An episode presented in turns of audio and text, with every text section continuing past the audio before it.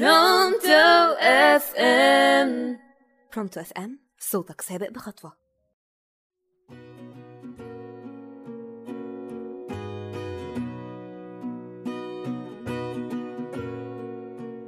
ونقول كمان دخل الشتاء وقفل البيبان على البيوت وجعل شعاع الشمس خيط عنكبوت وحاجات كتير بتموت في ليل الشتاء لكن حاجات أكتر بترفض تموت.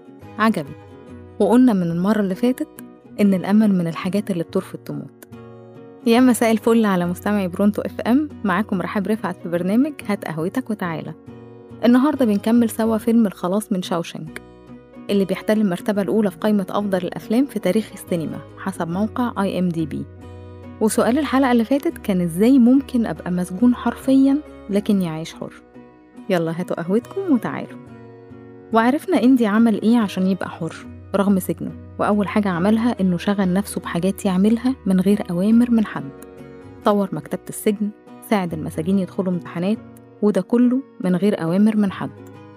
وكان دايما بيختار إنه يفيد اللي حواليه. زي لما حلل الضابط مشكلة الضرايب وطلب في المقابل حاجة ساقعة لكل المساجين. وزي ما تعاقب عشان سمع كل المساجين جزء من أوبرا جواز فيجارو وعرفنا إيه مدلول الأغنية دي بالذات. واللي ما سمعش الحلقة اللي فاتت يا ريت يسمعها. نيجي بقى لحكاية رد صديق إندي. يبدأ الفيلم أصلا على مشهد ريد وهو داخل على اللجنة اللي ممكن تسمح له بالخروج من السجن. كان داخل متوتر نفسه يوافقوا على خروجه. وسؤالهم ليه كان هل تم إعادة تأهيلك؟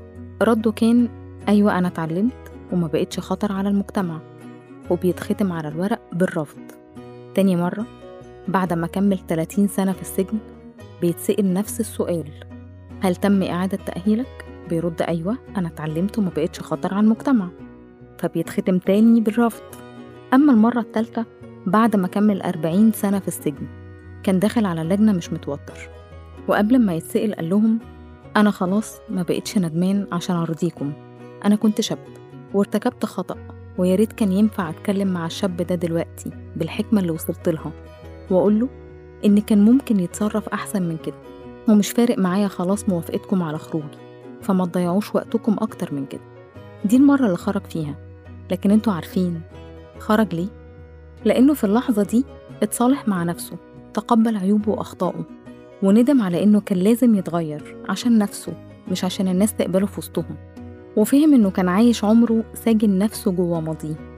ودي لحظة التنوير أو الإدراك أو الخلاص. أيا كان المسمى. دي اللحظة اللي ريد حرر عقله بقى حر من جواه. فما بقاش فارق معاه خروجه من السجن أو عدمه. وتاني الكاتب بيأكد على فكرة إن السجن مش حيطان. ومن أروع الجمل اللي اتقالت في الفيلم الخلاص يكمن في الداخل. المفاجأة بقى اللي محوشاها لكم للآخر إن بعد ما شفت الفيلم ده كتير جدا وصلت لحاجة. ممكن يكون المقصود بالسجن الحياة نفسها؟ هقول لكم ليه فكرت في كده.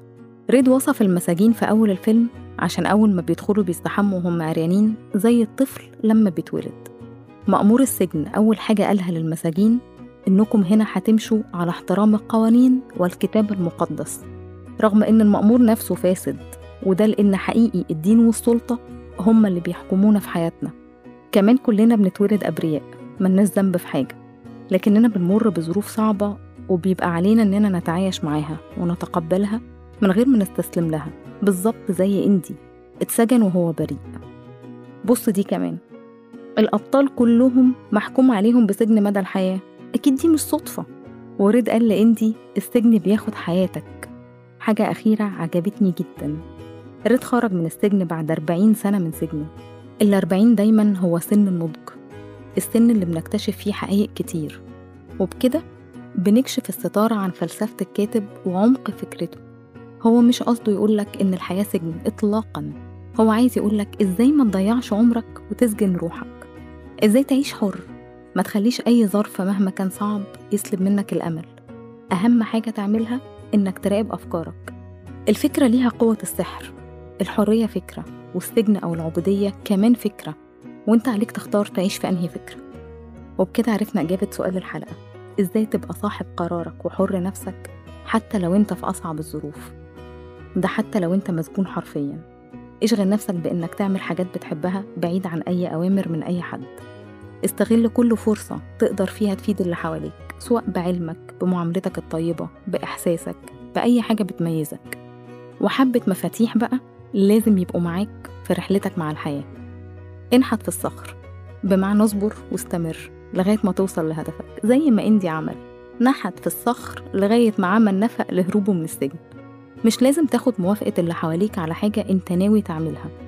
على قد ما كان اندي قريب من الرد هو ما قالوش خالص انه بيحاول يهرب إلا بعد ما رتب كل حاجة وهرب فعلا. وعايزة أقول لكم حقيقي الكلام الكتير بياخد من طاقة التنفيذ والآراء الكتير بتوقف وتلخبط. فإذا نويت على حاجة خلي هدفك نبيل وتوكل على الله. اختار صديق بعناية. عيش حر وصاحب قرارك في كل ما يخصك. اتعلم من أخطائك. مش عشان تنور رضا اللي حواليك ولا عشان يتقال برافو عليك. عشان انت نفسك تبقى شخص أحسن من اللي انت عليه دلوقتي. راقب أفكارك لأن الفكرة ليها قوة السحر. دايما خليك عارف إن الخلاص يكمن في الداخل. آخر جملة هختم بيها الحلقة رد قالها إن في طيور ما ينفعش تتحبس في قفص ريشهم بيبرق بزيادة. ولما بنشوفهم طايرين في جزء مننا بيفرح لأننا عارفين إن حبسهم كان خطيئة. هم دول المفكرين. المبدعين العلماء الفلاسفة والفنانين اللي على إيديهم كل التطوير والتجديد. وبكده يبقى خلصنا فيلم الخلاص من شاوشنك. كان معاكم رحاب رفعت في برنامج هات قهوتك وتعالى. واسيبكم بابتسامة.